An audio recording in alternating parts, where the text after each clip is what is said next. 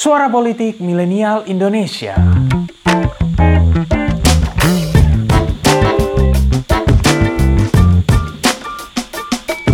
Menurut pendapat saya, kunci kemenangan adalah Jawa. Siapa bisa menguasai Jawa, itulah yang menang. Lihatlah PRRI Permesta yang praktis telah menguasai beberapa pulau di luar Jawa. Karena Jawa tidak mereka tarik, maka akhirnya mereka gagal. Jadi Jawa adalah kunci. Ini dia DNID, salah satu tokoh penting di Partai Komunis Indonesia alias PKI, entitas politik yang punya sejarah kelam di negeri ini. Well, cuplikan yang barusan itu dari film penumpasan pengkhianatan G30 SPKI, dan sosok Aidit ini diperankan oleh Syubasa, seorang wartawan yang pernah jadi redaktur majalah Tempo. Yang jelas, terlepas dari citra kelamnya, Dipa Nusantara Aidit, demikian nama lengkapnya, adalah salah satu pelaku sejarah di Indonesia. Kisah tentangnya seperti mitos, sebuah legenda tentang anak muda yang mengambil alih kekuasaan di PKI saat usianya masih 31 tahun dan sukses menjadikannya sebagai partai komunis terbesar di dunia kala itu, tentu saja di belakang Partai Komunis Soviet dan Partai Komunis Tiongkok. Wow menjalar. PKI menjadi kuat. PKI kemudian dituduh terlibat dalam rangkaian tragedi 1965 dan akhirnya kisah tentang Aidit adalah sebuah cap pengkhianatan. Sekalipun Soekarno hanya menyebutnya keblinger alias salah arah seperti yang dituliskan oleh John Rosa dalam buku Dali Pembunuhan Massal Gerakan 30 September dan Kudeta.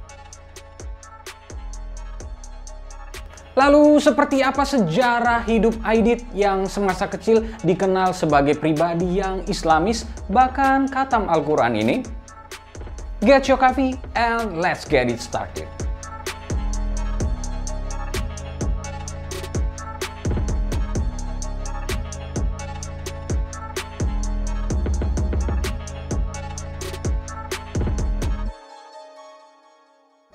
DN Aidit lahir dengan nama Ahmad Aidit atau nama kecilnya Ahmad pada 30 Juli 1923 di Jalan Belantu, Tanjung Pandan, Belitung. Keluarga Aidit berasal dari Sumatera Barat.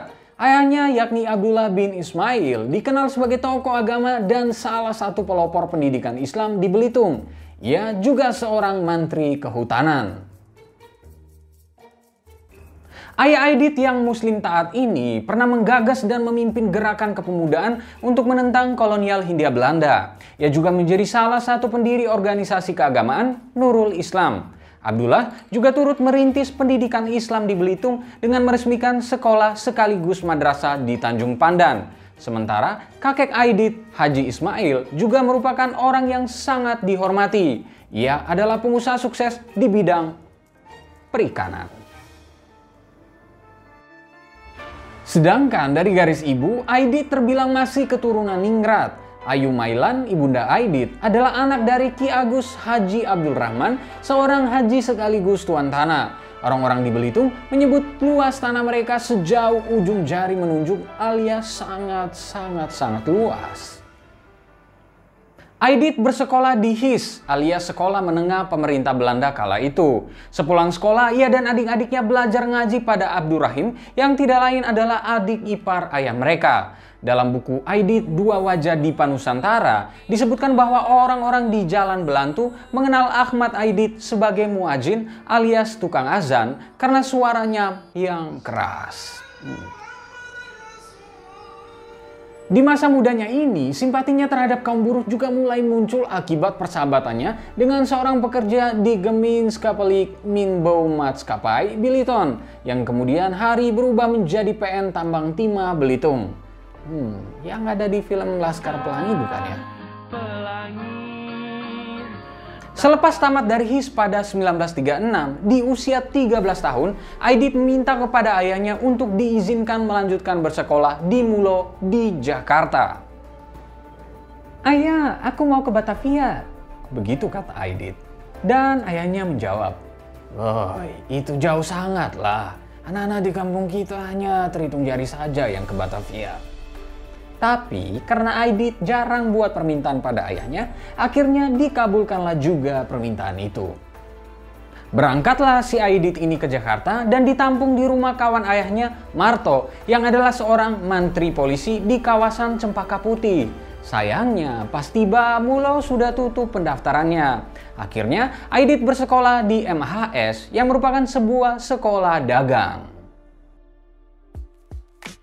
Dari muda emang udah idealis. Pernah Aidit menggalang aksi bolos massal dengan teman-temannya untuk mengantar jenazah pejuang kemerdekaan Muhammad Husni Tamrin. Aidit aktif sebagai anggota Persatuan Timur Muda alias Pertimu, sebuah perkumpulan pemuda yang dimotori oleh Gerakan Rakyat Indonesia atau Gerindo. Kecerdasannya membawanya segera menjadi ketua umum Pertimu. Ia juga semakin tertarik mempelajari pemikiran-pemikiran Marxis. Seiring masuknya Jepang ke Indonesia pada tahun 1942, Aidit akhirnya bergaul dengan tokoh-tokoh nasional seperti Soekarno, Wikana, Kairul Saleh, Soekarni, dan lain-lain. Ia akhirnya juga memutuskan mengganti namanya menjadi Dipa Nusantara Aidit. Hmm, entah ada maksudnya atau enggak ya, tapi Dipa dalam bahasa Jawa berarti raja atau cahaya atau terang, sementara Nusantara adalah sebutan untuk Indonesia. Aidit mendapatkan kuliah politik bersama teman-temannya di Asrama Menteng 31 dari Soekarno, Amir Syarifuddin, Ahmad Subarjo, dan lain sebagainya. Nah, di tempat inilah ia juga bertemu dengan MH Lukman untuk pertama kalinya. Buat yang belum tahu, Doi adalah tokoh yang sempat menjabat sebagai wakil ketua Central Committee atau CCPKI di kemudian hari. Mereka juga sama-sama menjadi anggota Gerakan Indonesia Merdeka. Pada tahun 1944, mereka juga terpilih menjadi anggota Barisan Pelopor Indonesia yang merupakan 100 orang yang paling loyal pada Soekarno. Jelang proklamasi kemerdekaan, para pemuda asrama Menteng 31 terlibat dalam aksi penculikan Soekarno-Hatta ke Rengas Dengklok. Mereka adalah Soekarni, Wikana, Aidit, dan Khairul Saleh. Singkat kata, Indonesia akhirnya merdeka Aidit kemudian menjadi dekat dengan tokoh-tokoh seperti Lukman dan Nyoto yang sama-sama mengelola majalah Bintang Merah, sebuah majalah milik PKI. Pada tahun 1947, Aidit ditunjuk sebagai ketua faksi PKI di pertemuan Komite Nasional Indonesia Pusat yang merupakan cikal bakal dari DPR RI saat ini. Di tahun berikutnya, ia ditugaskan menerjemahkan manifesto komunis ke dalam bahasa Indonesia bersama Lukman dan Nyoto. Ketiganya akhirnya menjadi anggota Sentral Komite PKI. Pada